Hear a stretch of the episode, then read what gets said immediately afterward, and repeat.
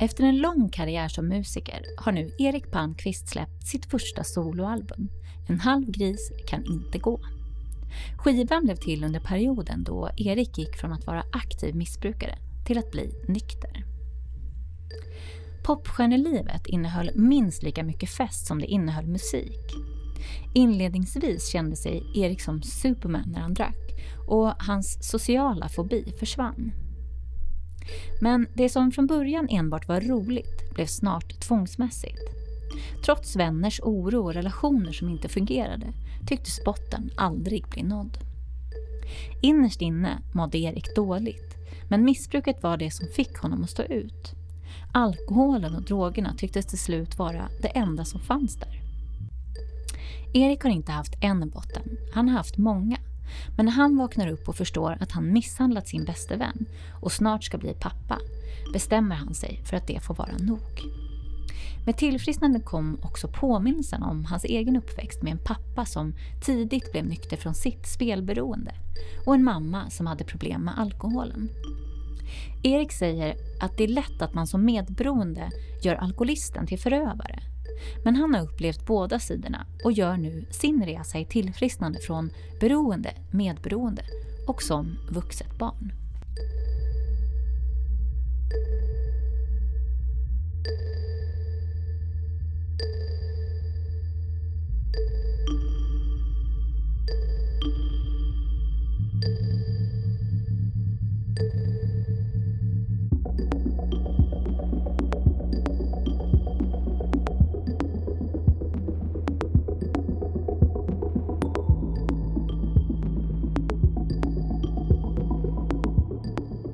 Välkommen till Medberoendepodden Erik. Tack så mycket. Hur mår du idag? Eh, jättebra faktiskt. Riktigt bra dag har jag idag. Vad beror det på? Då? Jag vet inte, jag har haft en helg med min dotter. Så jag har varit väldigt närvarande med henne så man får så pluspoäng i, i samvete och sådär. Så att, sen har jag målat och mitt rum i lägenheten och eh, jag har bara gjort bra grejer så här, som jag mår bra av. Så att. Mm, härligt. Du, bara lite kort, skulle du vilja berätta om dig själv och vem du är och vad du gör och sådär? Mm. Jag är ju eh, låtskrivare och musiker och eh, artist. Och jag har ju spelat i massa band sedan 90-talet. Eh, på 90-talet spelade jag ett indieband som heter Monostar. Och sen på 2000-talet ett amerikanaband som, hette, som heter Hippies Trailer Park. Som fortfarande finns. Men sen har jag gjort en skiva nu. Som kom ut i februari. Eh, som handlar också om att vara miss, att ta sig ur ett missbruk också och vara medberoende och dysfunktionell ganska mycket i texterna. Så det är temaskiva om det. Så att det är väl lite därför som jag är här då. Mm. Och jag är från Gotland också. Mm. Det är viktigt. Mm. Kanske man kan lista ut. Ja, precis. Eh, men jag tänkte, precis, nu sa du lite grann om din, om din skiva där. Det är ju din första soloskiva, eller hur? Första ja, ja, Ipis Trailer Park har ju också varit något slags mittemellan band och solo. Men det här är ju verkligen solo. Och Just på svenska också. Så. Just det, precis. Eh, för det jag funderar lite grann på, det är ju en fantastisk titel, En halvgris kan inte gå. Mm. Vad, vad tänkte du med den titeln? Det började, först så, um, det uppstår lite grann som ett skämt, internt skämt i, i, i IP Trailer Park i bandet. Eh, en av mina bästa kompisar, gitarristen där, han flyttade till Palma. Så då kunde inte han vara med, så då blev jag bara en halv gris kvar. Han var den andra halvan. Men, men sen det, det var mest liksom den skämtsamma grejen. Men sen är det ju lite grann en jättebra bild tycker jag för en människa som inte mår så jättebra. Så, och som också passar väldigt bra på, på alla texterna man, som en sammanfattning på hela skivan. Liksom. Mm. Jag tänker varför valde du, eller varför kände du att du ville skriva om eh, missbruk och nykterhet och sådär? Nej, alltså jag tänkte nog inte så när jag började men, men eh, jag var ju fortfarande aktiv själv när jag skrev skivan. Mm. Så jag, jag satt hemma på, på amfetamin på nätterna eller på morgonen och skrev den här skivan, ganska mycket av den. Men liksom, det var någon slags självterapi om det här problemet som jag hade. Och, men sen när jag spelade in skivan, då var, den, då var, jag, hade, var jag nykter. Då hade jag liksom tagit mig ur ett missbruk. Mm. Så det är liksom verkligen en resa som jag har gjort då. Mm. Men var du medveten om din missbruksproblematik under tiden du skrev? Eller var det fortfarande förnekelse? Alltså, jag har ju jag har ju varit medveten om den men man tycker kanske inte att det är så farligt. Så. Det mm. finns ju en viss förnekelse i det så att säga. Mm. Eh, Nej, men nu har jag varit nykter i tre och ett halvt år. Mm. Grattis. Mm, tack. Jag tänker om vi backar bandet lite Mm. grann. Har du lust att berätta lite om din uppväxt, hur den såg ut och, och sådär? Ja, alltså jag eh, växte upp i Visby då på Gotland. I ett, eh, ska man säga, så arbetarklasshem kan man nästan säga. Som, men det var jag, jag var nästan den enda som var arbetarklass i min skola och, och pratade gotländska faktiskt. Som alla andra var inflyttade och sådär. Eh, och min pappa var då, om vi ska dra det lite kort, så min pappa utvecklade ett spelmissbruk.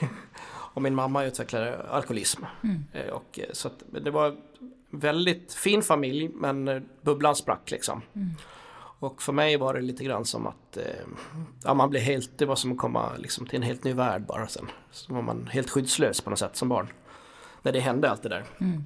Och sen eh, om man tittar tillbaks nu så har man ju inte, ja, det är inte så konstigt att man, man fick det liknande problem Nej. så att säga. Finns det liksom längre tillbaka i släkten också, vad du vet? Jo, jag tror vi har både, alltså min mormor hade, det kallar man för dålig, dålig i nerverna Mm. på den tiden. Mm. Så hon var in och ut på psyk hela tiden. Eh, och mycket, det finns alkoholism på båda sidor och dåliga nerver på båda, Mm. båda sidor.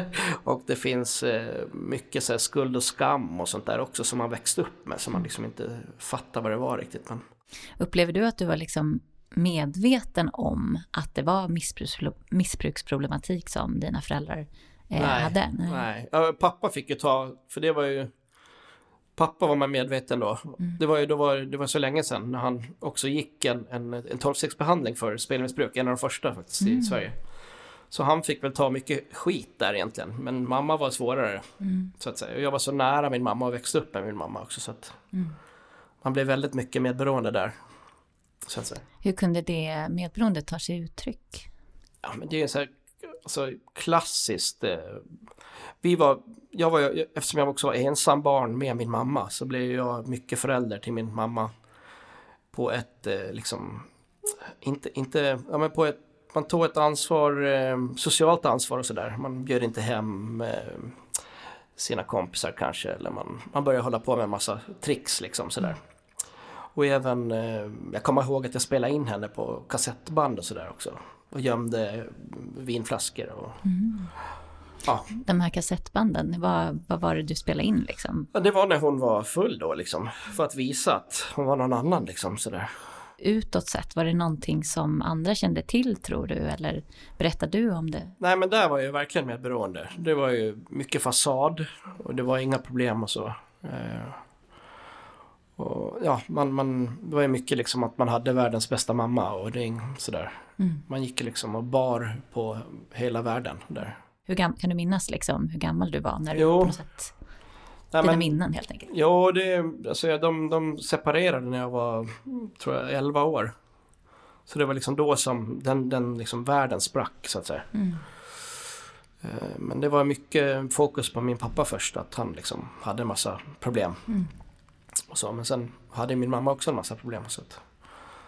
Och jag var, jag tror att jag spelade ishockey sådär då på den tiden. Och, så jag blev också ganska mobbad där i, i, i, eh, i omklädningsrummet och sådär. Man, ganska hård penalistisk eh, style sådär. Man, man pissar på en i duschen och ja du vet allt så här dåligt som man mobbinggrejer typ, Ondskan typ. Mm. Den boken typ så, fast inte överklass.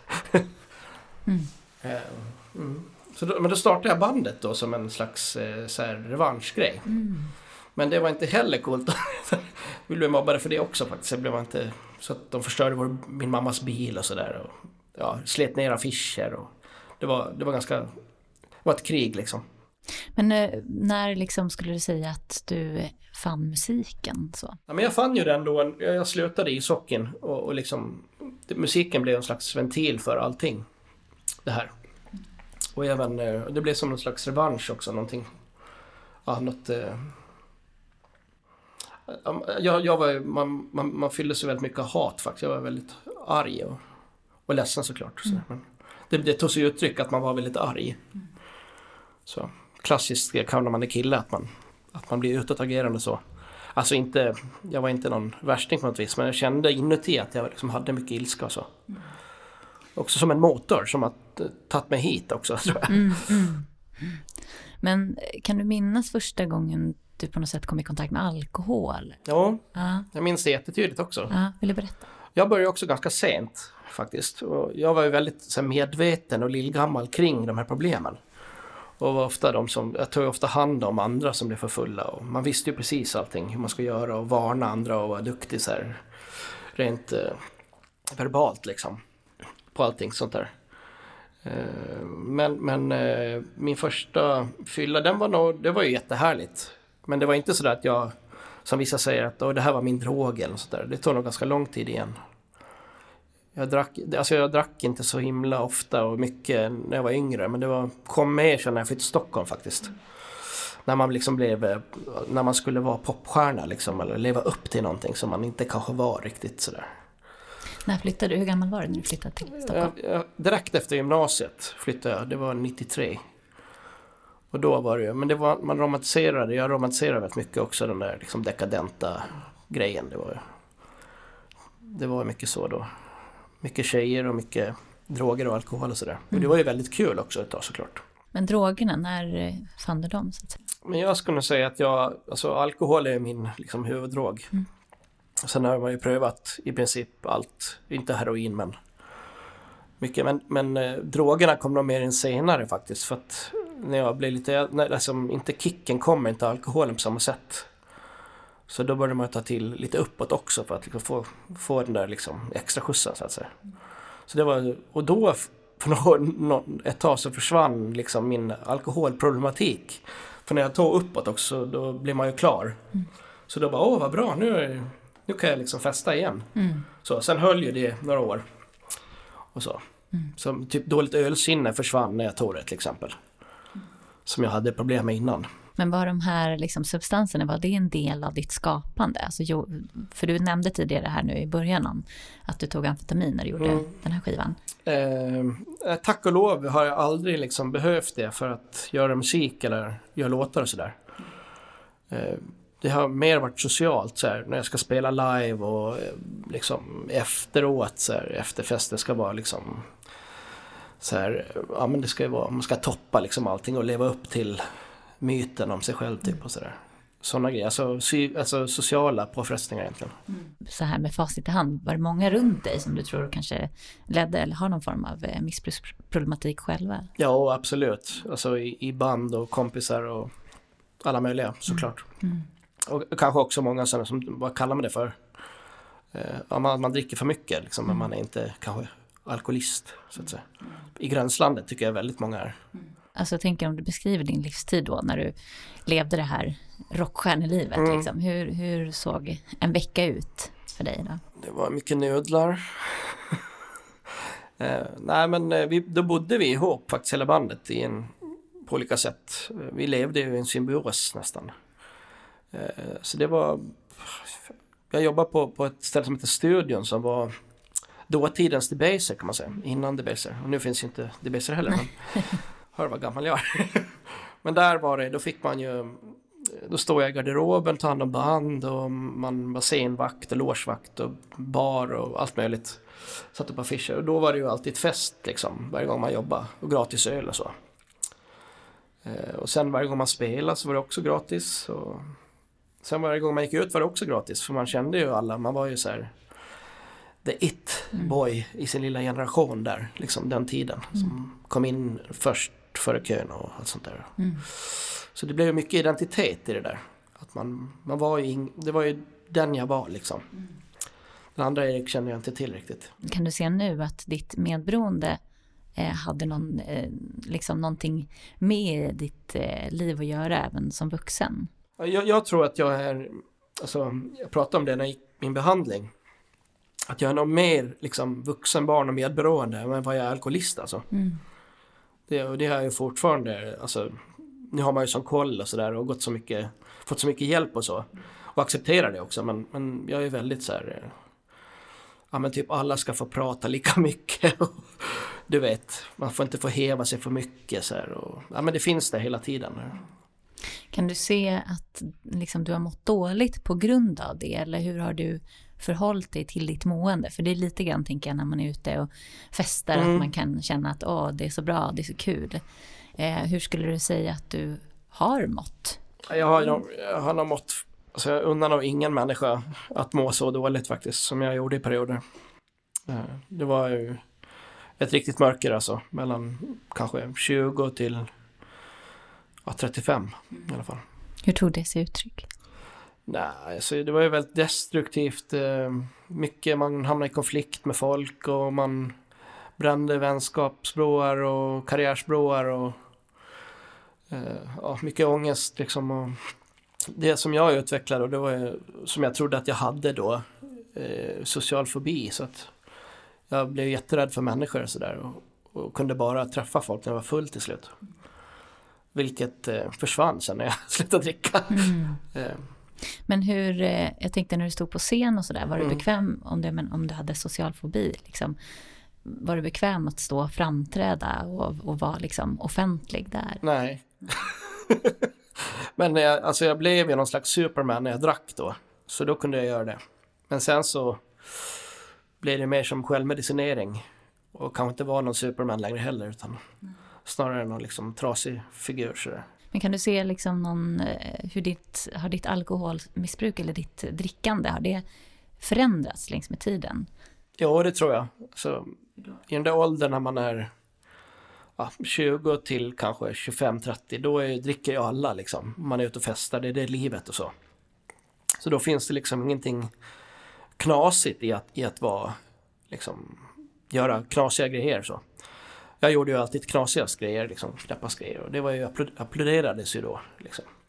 Men nu är det ju, sen när man blir lite äldre så blir det ju ja, för det första så var det inte så kul längre. Det blev mycket mörker när man drack och sådär. Och, eh, och inte så social längre heller faktiskt. Så att, eh, men, men jag har aldrig varit en sån som dricker.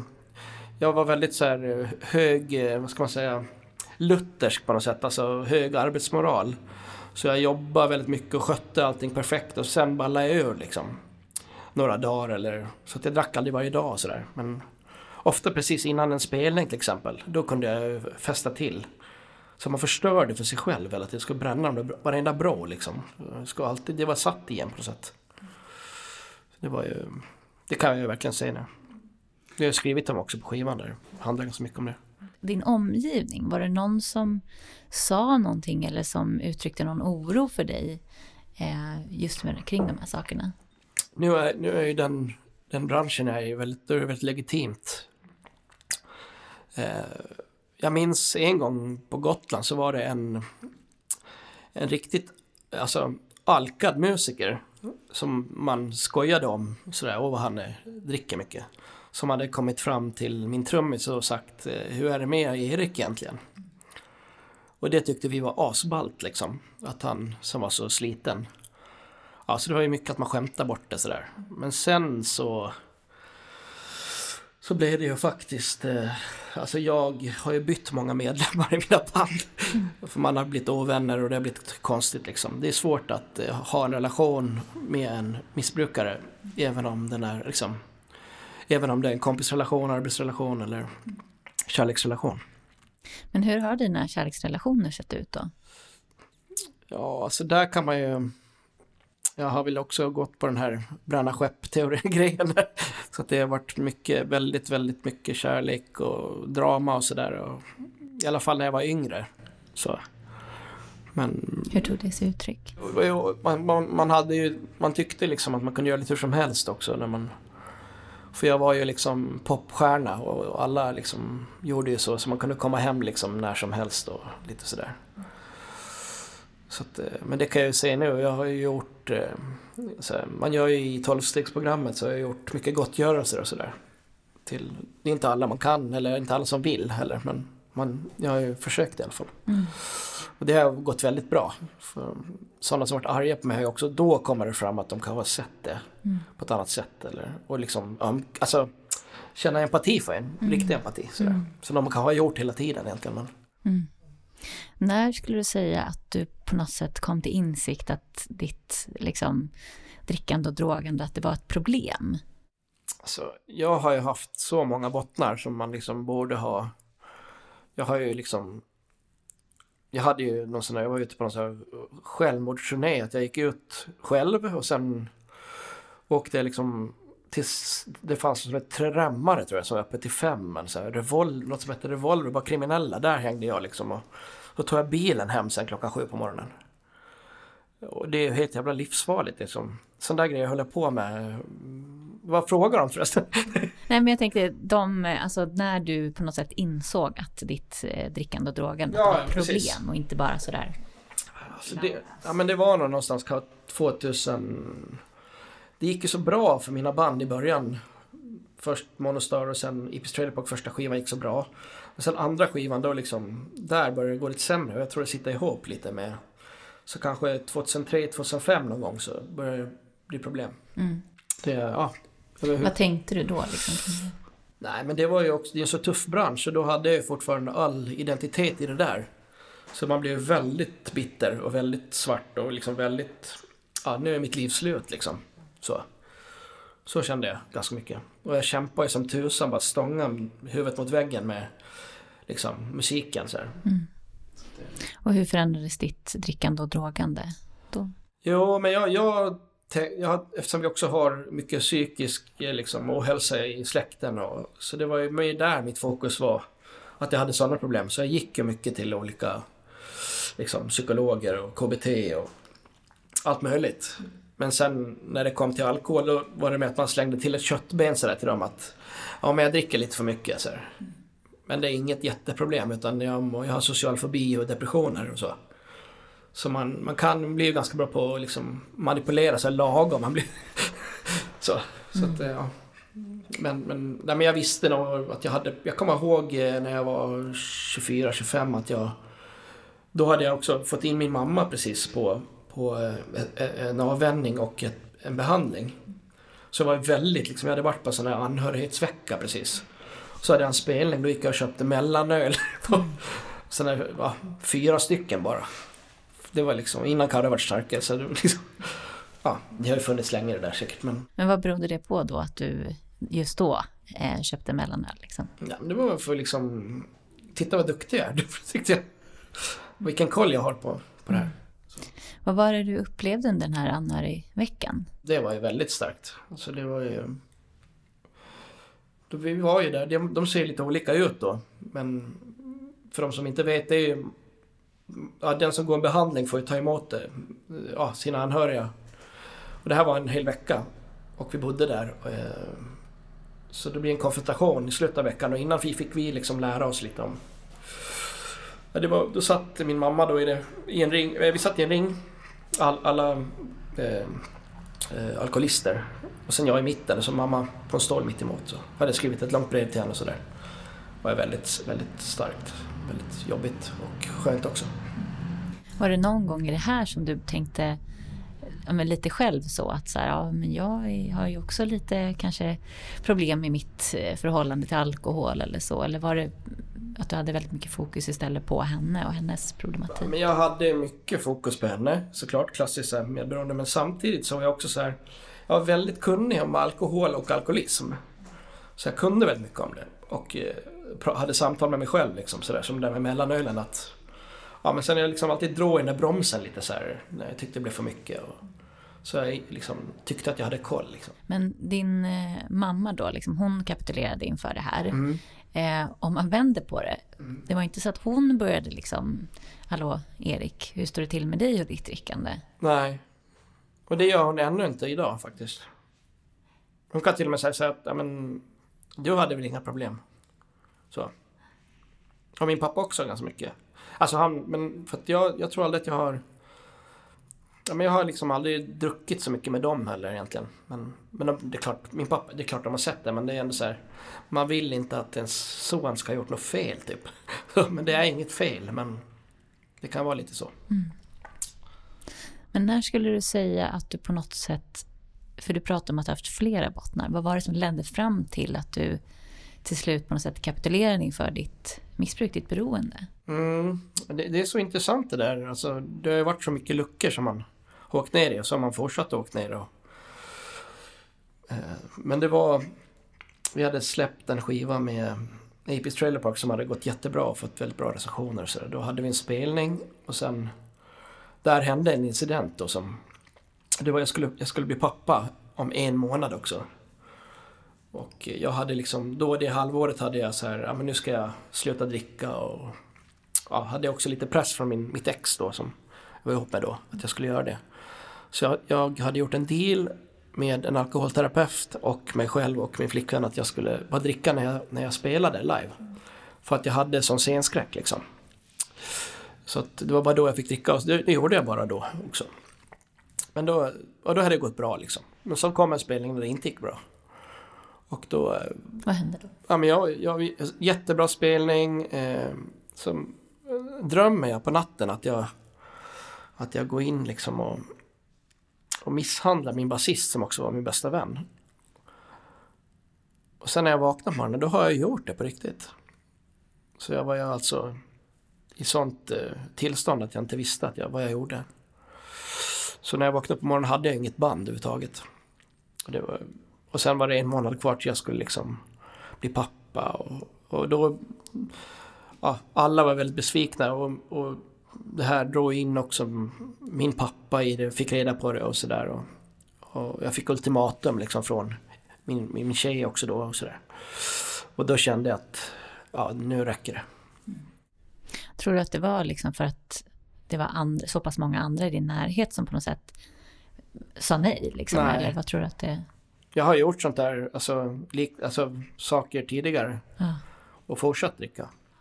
Det där är konstigt faktiskt när man... Det kommer som någon, om man har tur, så kommer det liksom... Nu, nu räcker det. Man vill någon annanstans så pass mycket liksom. Eh, Men, men um, då slutade jag dricka på egen hand faktiskt först ett halvår. Men sen så tänkte jag att jag ville gräva liksom hela vägen ner så att då, då gick jag en behandling här, Maria Capio i, i Stockholm då. Och sen efter det A, A och 12 steg och sådär. Och vad känner du att du har liksom fått under den grävande resan? Så att säga? Alltså, det mest, det viktigaste tycker jag nästan det är att acceptera att jag kanske, att jag har en dålig självkänsla. Och att det är okej Mm. att ha det. Och att man inte måste vara liksom perfekt och ja, den här som jag försökte vara när jag drack liksom. Hitta en annan människa, den riktiga Erik liksom. Mm. Och det är väl den tycker jag ju om. har jag lärt mig tycka om nu, så att säga. Då behöver inte jag alkohol längre. Så att jag har liksom, det är helt fantastiskt faktiskt.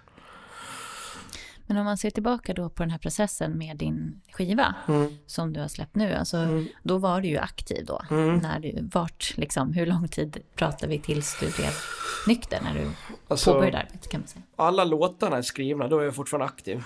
Så att de är, det är det som är så intressant nu tycker jag, hur, de, hur jag tänkte och liksom vad jag ville någonstans. Mm.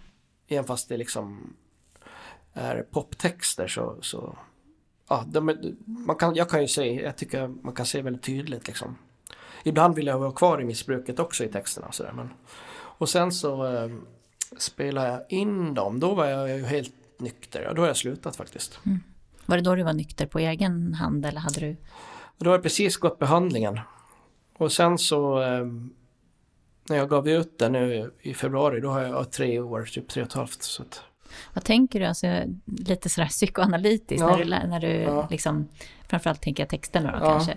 Vad, vad tänker du om den personen och vad vill den personen som, som skriver, som säger, uttalar de här orden?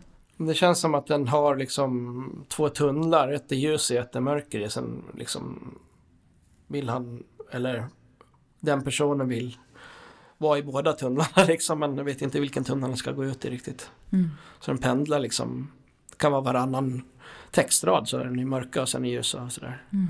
Så det var, alltså jag brukar inte skriva heller när jag är påverkad annars. Men den här är ju skriven så, det är också märkligt faktiskt. Kände du att du på något sätt eh, efteråt ville gå in och ändra eller ville göra någonting annat med den? Eller var du liksom klar i att det här är den skivan? Ja men det, det var nog lite dogmatiskt så. Att jag, jag tänkte ju att, eh, jag, då visste jag inte hur jag skulle sluta men jag tänkte vad händer om jag eh, liksom, när jag är påverkad och tänker på mina problem. Alltså inte självömkande utan försöker konstig självterapi på liksom amfetamin och, och skriver ner det. Vad händer då? Det blir så här, ja man kan tycka att det är konstigt men det var ganska intressant faktiskt. Och sen när jag vaknade så det var, var förvånansvärt lite som var så här, du vet, fan vad kast.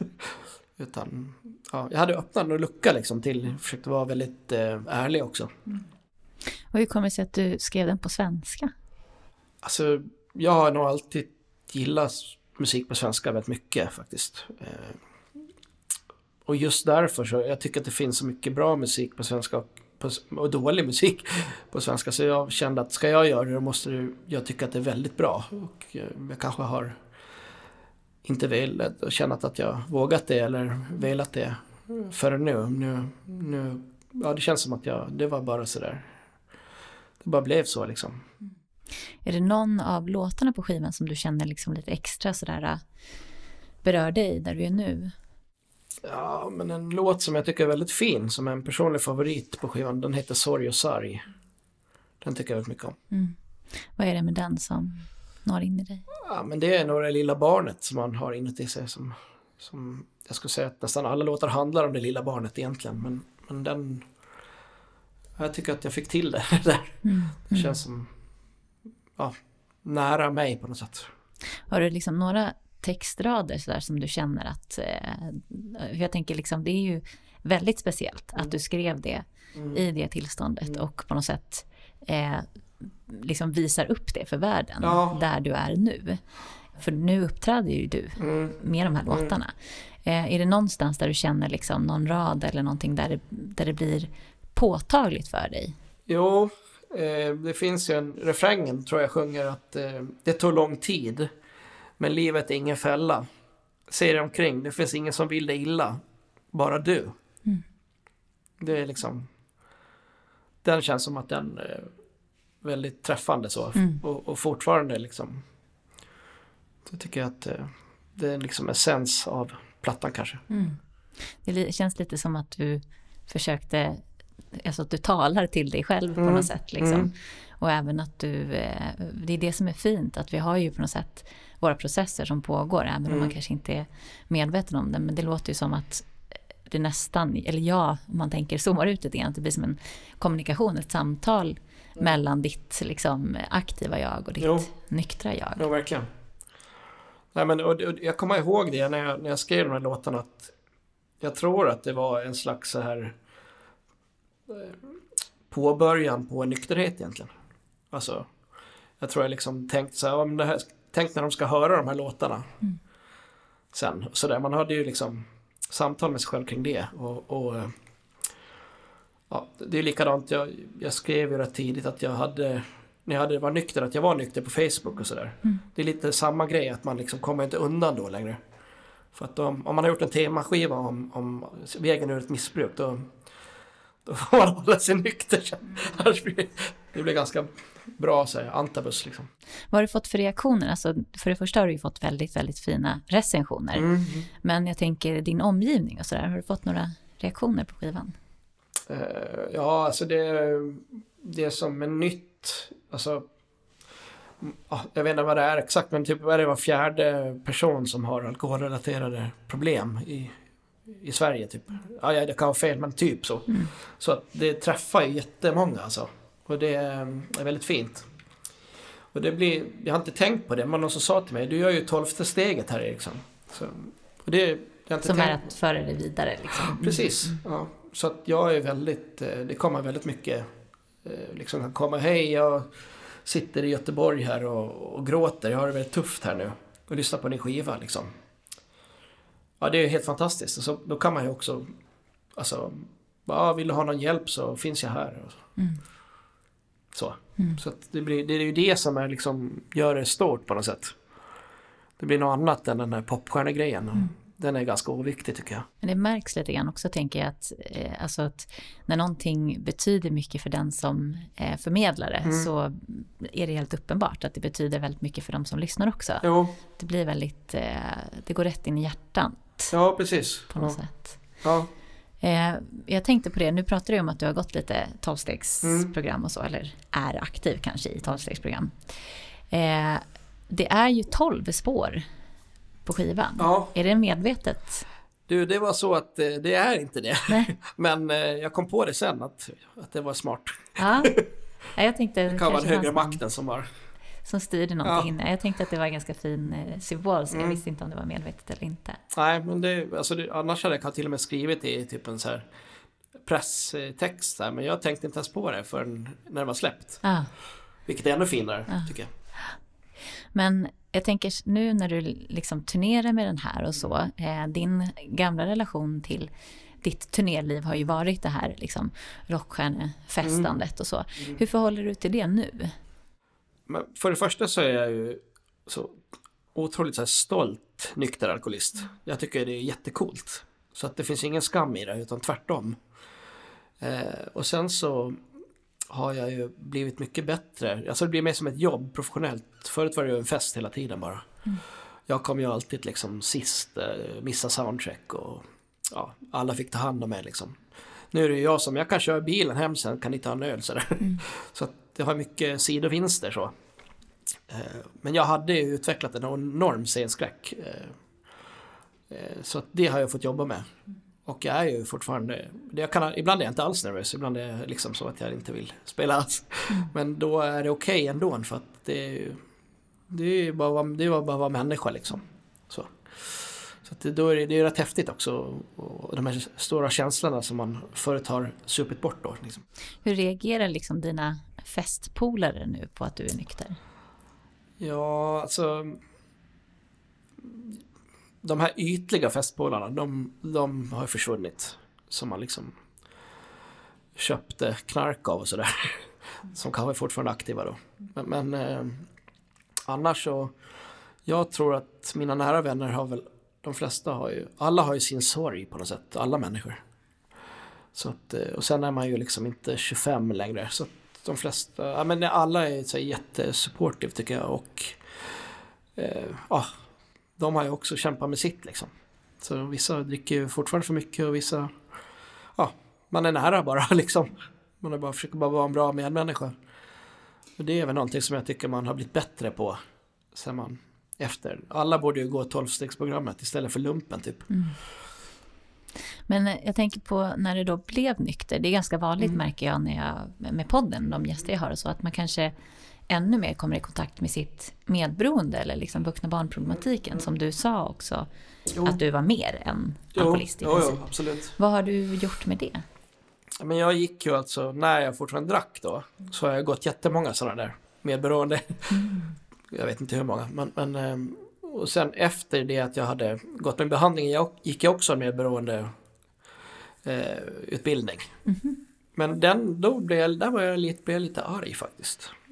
Jag tyckte att den var väldigt så här eh, offeraktig bara. Att det var väldigt mycket fokus på att eh, förövare och liksom alkoholisten var dum och sådär. Eftersom jag kom, hade en fot i bägge så tyckte jag att det var lite, ja, ibland kan det ju faktiskt vara så att om man själv, om man slutar dricka och gör, gör upp med sig själv ordentligt och sen den som står bredvid inte gör det så är det lite, blir det ju lite konstigt för strålkastarljuset hamnar på den andra personen. För man har inte den där dumstruten på sig hela tiden. Och det är kanske lite svårt att erkänna då för många medberoende. Så det, då, då kände jag lite så att ja, jag, hade, jag var inte riktigt där de var. När jag gick den, så att säga. Men, eh, men jag, har, ja, jag, jag är väldigt sugen på att gå 12 steg eh, vuxna barn. Men känner du att, eh, jag tänker liksom, vad är det för insikter du har kommit till med, med ditt medberoende och liksom din uppväxt och sådär? Ja, svår fråga. Men... Mm, ja, det är en stor fråga. Ja, nej men jag har väl, det handlar ju, jag tycker att man eh, blir så här, alltså, mästare i liksom någon slags eh, svart bälte i KBT på något vis. Hur då? Berätta. Nej, men att man liksom, man, man får ju lära om så mycket. Eh, ja, så som jag har blivit programmerad. Det är så mycket fel. Och därför att jag har klarat mig och har gått bra för mig, det är därför att jag är så bra på att göra det. Men så jag är väldigt bra på att liksom, om jag går en väg som inte fungerar, gå en annan väg. Och det, vissa kan inte det. det man är ju olika liksom människor. Så. Och det har jag blivit väldigt... Eh, det har jag alltid varit bra på, men jag, det är därför jag kan ta till mig någonting också tror jag. Och eh, ja, men jag är medberoende fast med acceptans kring att jag är det. Mm. Och jag gränsar mycket mer sådär också. Jag tänker, nu lever inte du nära någon som är aktiv idag liksom. Ja, alltså min mamma är ju, är ju deprimerad och sådär. Ja, så att, ja. och har ett missbruk. Så, att, så, så det är väl li- lite mittemellan där kan man säga. Ja. För jag tänker att det är många som gärna har den bilden att eh, ha- tar man bort dem som har problem runt om en Mm. så, det var lite det du var inne på också, då blir jag liksom fri. Mm. Men hur, hur liksom tar ditt, eller har ditt medberoende tagit sig uttryck eh, runt om, ut, utanför missbruksrelationer om man säger? Nej men alltså det är ju... Jag, jag, jag är väl liksom, ska jag säga, jätteärlig så jag tror att jag... är En medberoende grej som det är att man gärna vill bli omtyckt. Sådär på något sätt. Att, att bli okejad på något sätt av någon annan. Och det är så här någonting som man får jobba med hela tiden. Liksom att man, men jag är väldigt så här känslig, EQn är sådär, man är känslig för stämningar och att alla ska må bra i rummet och sådär. Och, det tycker jag, det får man jobba med. Det försvinner inte bara för att man har gått en... Ja, det är någonting, men då man är medveten om det och man har blivit bättre på det. Men ibland åker man ner och blir så igen. Och då får det vara okej liksom. Förut kanske det var att om man gjorde något sånt då straffar man sig själv istället. Nu får, nu får det vara dåligt år för att någonting hände liksom. Men nu är det med, okej, det, jag var lite så igår, nu, nu är det en ny dag. så, så det är lite skillnad. Men hur, jag tänker nu har du, har du en dotter. Ja. Ja. Hur eh, ser du på liksom den papparelationen? Jag menar, nu blir du den Mm. vuxna och eh, barnet som, som dottern som du har växer upp. Jo, Eh, hur, hur tänker du kring det där? men jag är ju... Det var ju, jag slutade ju då dricka en månad innan hon föddes. Och jag har ju brutit en, en tradition som har funnits långt tillbaks. I många led tror jag. Med, med psykisk ohälsa och alkoholism. Så att det är ju ganska coolt. Eh, Men det är ju inte, så, det är inte alls så enkelt att vara förälder ändå. Men, men jag är ju... Där jag är nu så är jag väldigt... eh, Jag har väldigt fokus på att... Alltså mitt största intresse är min dotter liksom. Mm. Och det var det ju inte då. Så att eh, ja, man får försöka göra så gott man kan liksom. Men jag tycker att det går väldigt bra. Mm, mm. Ja, men det har jag ju också. Jag är klar med så många resor liksom. Egoresor och kickar, kickresor och fest och mörkerresor och allt möjligt. Så att, Men finns det någon oro där att liksom hon skulle kunna, alltså att det gen- genetiskt finns där, att du bär med dig det på något sätt? Ja, men jag väljer att det, det är liksom, man kan inte oroa sig för allting. Det får vara som det är. Alltså det är utanför mig. Det Mm. kan inte jag. Eh, är det så så är det så. Men eh, det är inget jag tänker på faktiskt. Nej. Men hur, jag tänker liksom, eh, hur gammal är din dotter? Hon är tre och ett halvt. Ja, det är det. Eh, liksom, hur förhåller du dig? Är du öppen på något sätt? Pratar du på något sätt om din nykterhet och, och sådär? Ja, men hon vet inte om att man kan vara full. Nej, nej. så det blir svårt. Men, men eh, jag, jag, jag, tänker väldigt mycket på folk som dricker överhuvudtaget. Jag behöver inte vara alkoholist, men hur fasen kan du liksom vara full med ditt barn? Det är helt jävla obegripligt. Det gör mig riktigt förbannad alltså. Och då, men jag är alltid nykter. eh, Jag dricker inte när jag har barnet typ. Ja men du är bakis kanske, det är ju lika dåligt det typ. Du är ju inte närvarande liksom. Jag bara tänker ibland så här, jag var på Leos lekland i helgen här. Och var bakis där. Åh herregud alltså. Sån tacksamhet över att slippa det. Men det är ju en, jag tänker det är en väldigt speciell resa och att du gjorde det precis, ja, att du, att du fann din nykterhet precis Ja. innan din dotter. Det sitter kanske någonting ihop tror jag. Men att bryta den där liksom. Ja. Men din syn på det här, jag tänker att växa upp liksom med missbruk. Jag var ju mycket så att jag såg det som att min mamma är alkoholist och eh, psykiskt sjuk. Eh, och jag såg det väldigt mycket som att hon valde att göra så här. Att valde att bete sig så här. Jag förstod liksom inte att det var sjukdomar som det var tal om. Eh, kan du minnas hur du såg på liksom, den problematiken hos dina föräldrar? Jag såg det precis likadant. Och eh, jag kommer ihåg att strax innan hon kom in på behandling så, så sa jag att du får välja nu. Om du vill liksom ha en son eller om du vill dricka. För det hade gått så långt liksom. Hon kom upp och hälsade på mig så smögdrack hon i alla fall och sådär. och ja, så, och då valde hon ju flaskan liksom.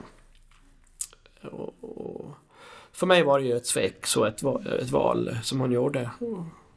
Och ja, så, ja, men så såg jag ju det. Det var därför jag spelade upp de här kassettbanden eller välj något annat, välj mig istället. Liksom. Mm. Eller, hon valde ju mig men alltså välj nykterheten liksom. Mm.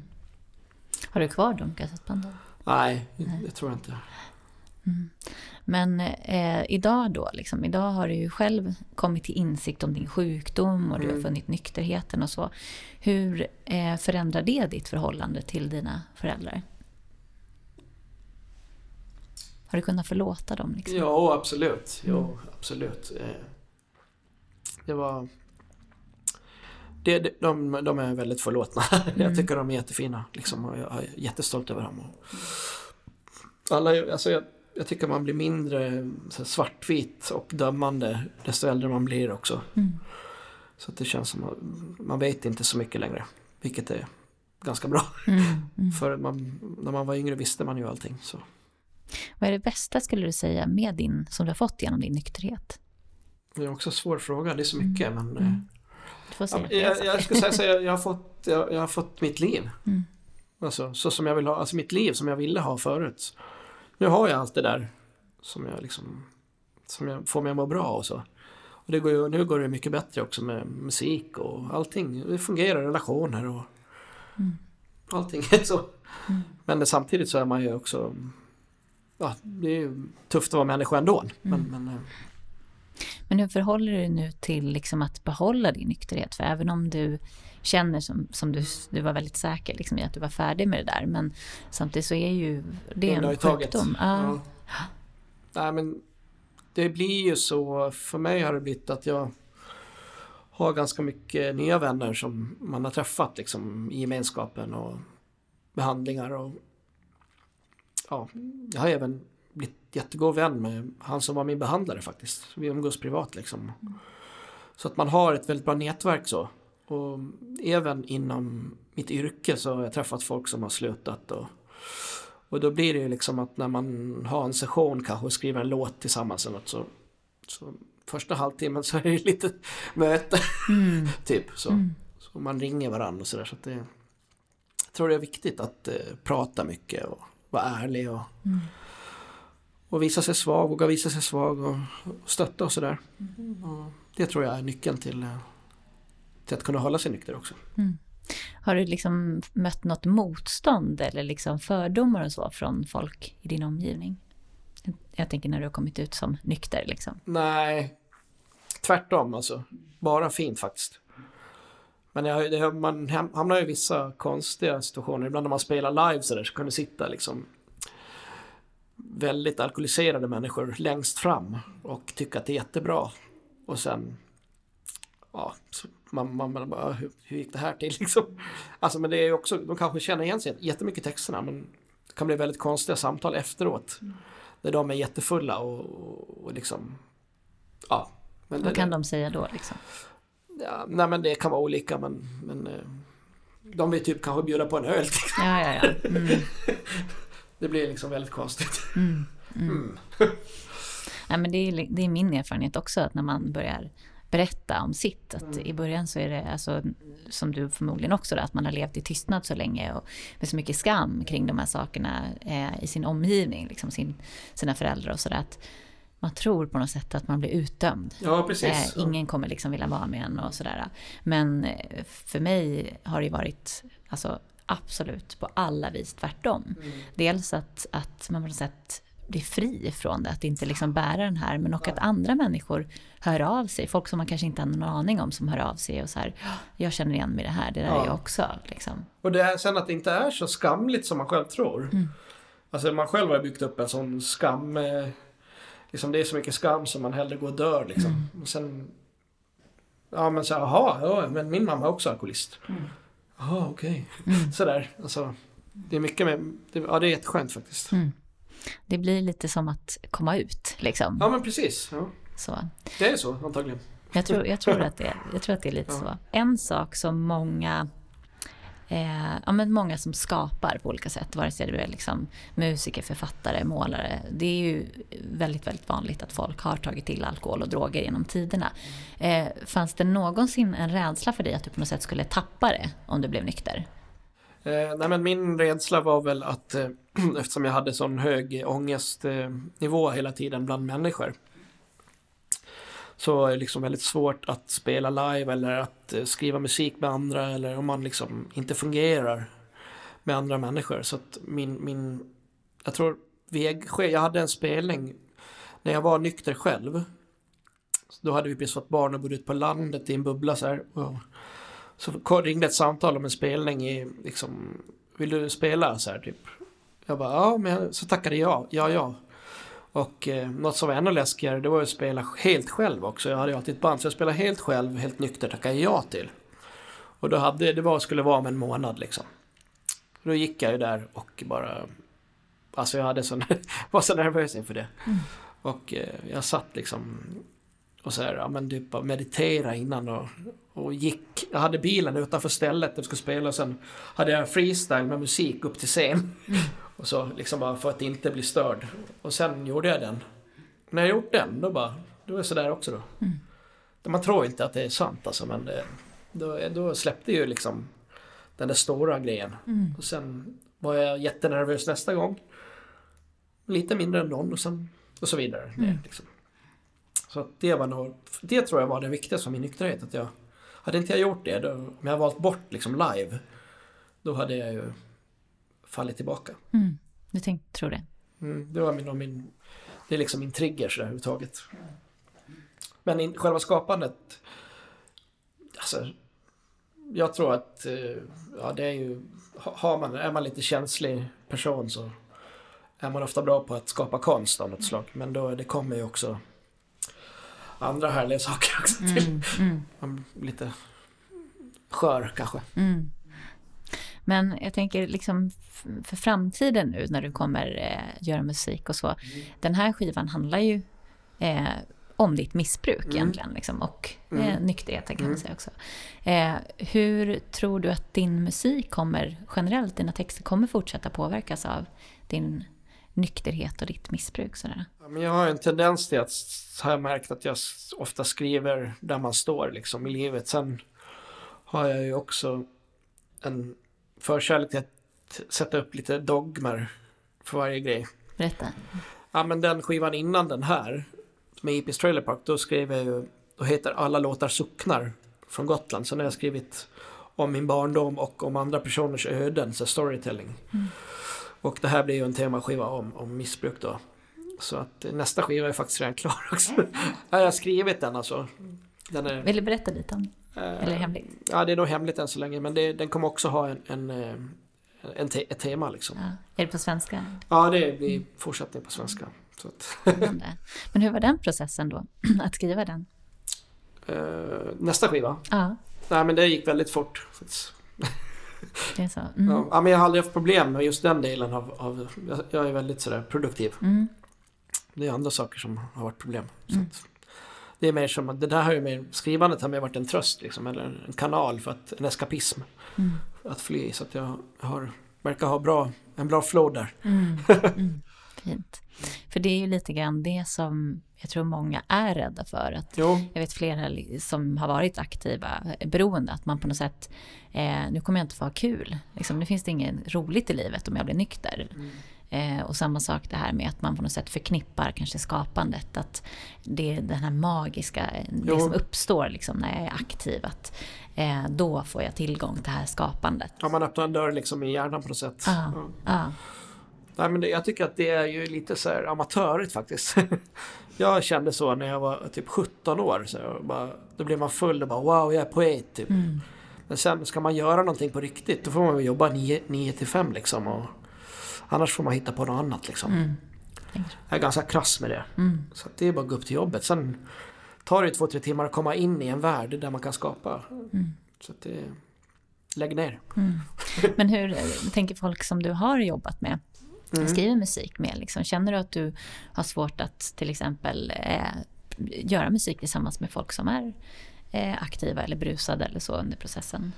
Eh, nej, men när jag skriver låtar, jag jobbar ju som låtskrivare fr- främst nu egentligen. Mm. Och, och så till olika artister och det är det jag liksom lever på. Men Mm. då är det ju, förekommer ju nästan ingen alkohol längre på den nivån som det är, man sitter ju och jobbar i studios på dagtid och så. Mm.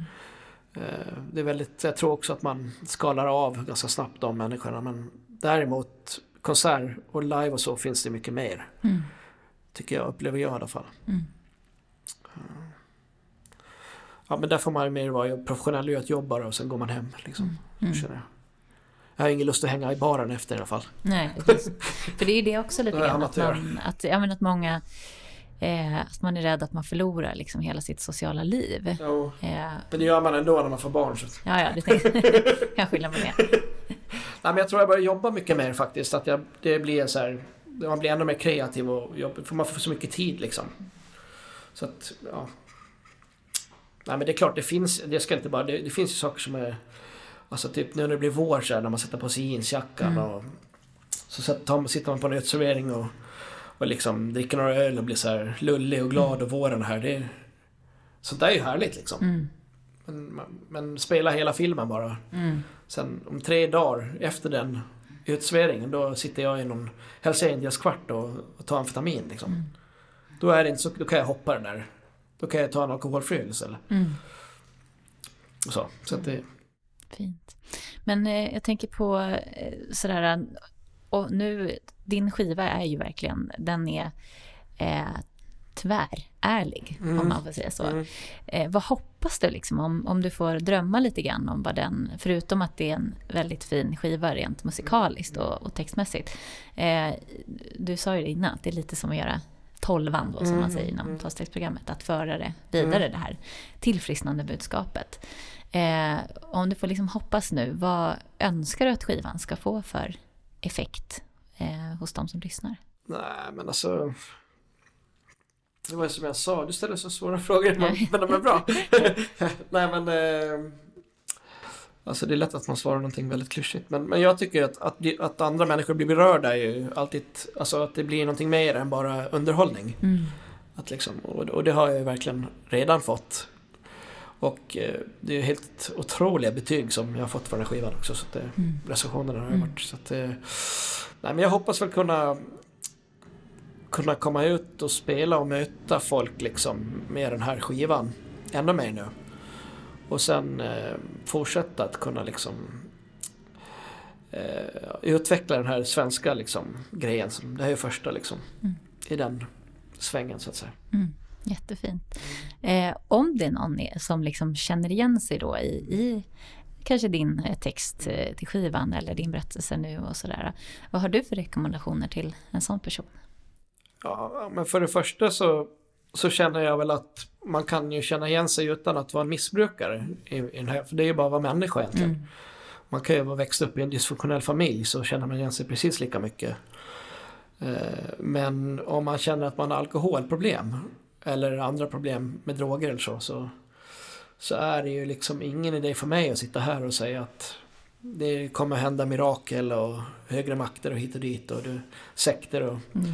det är bara avskräckande men det, det enda som jag kan bara berätta hur det var för mig och att, att det finns hjälp att få om man vill det. Men det får man ju liksom själv fatta ett beslut vad man tycker. Mm. Vissa måste ju ända det ner till, eh, till graven liksom. För det är en så svår sjukdom. Mm. Tyvärr. Ja, jag tror vi låter det bli sista ordet. Tusen, tusen tack Erik. Ja, vi kommer givetvis länka så att man lyssnar på din fantastiska skiva och eh, jättespännande att höra vad nästa blir. Ja, jättekul att vara här. Ja, tack snälla. Tack. Erik Palmqvists soloalbum heter alltså En halv gris kan inte gå och finns att lyssna på till exempel Spotify. Och den 6 september släpper Erik sin nya singel. Vill du veta mer om medberoende och var du kan vända dig för att få hjälp kan du gå in på vår hemsida www.medberoendepodden.se. I sociala medier finns vi under namnet Medberoendepodden. Och just nu finns en massa härliga artiklar ute på Facebook-sidan. Och du kan gå med i gruppen Medberoendepoddens vänner. Där du kan kommunicera med andra som känner igen sig i medberoendeproblematiken. För glöm inte, du är inte ensam. Thank you.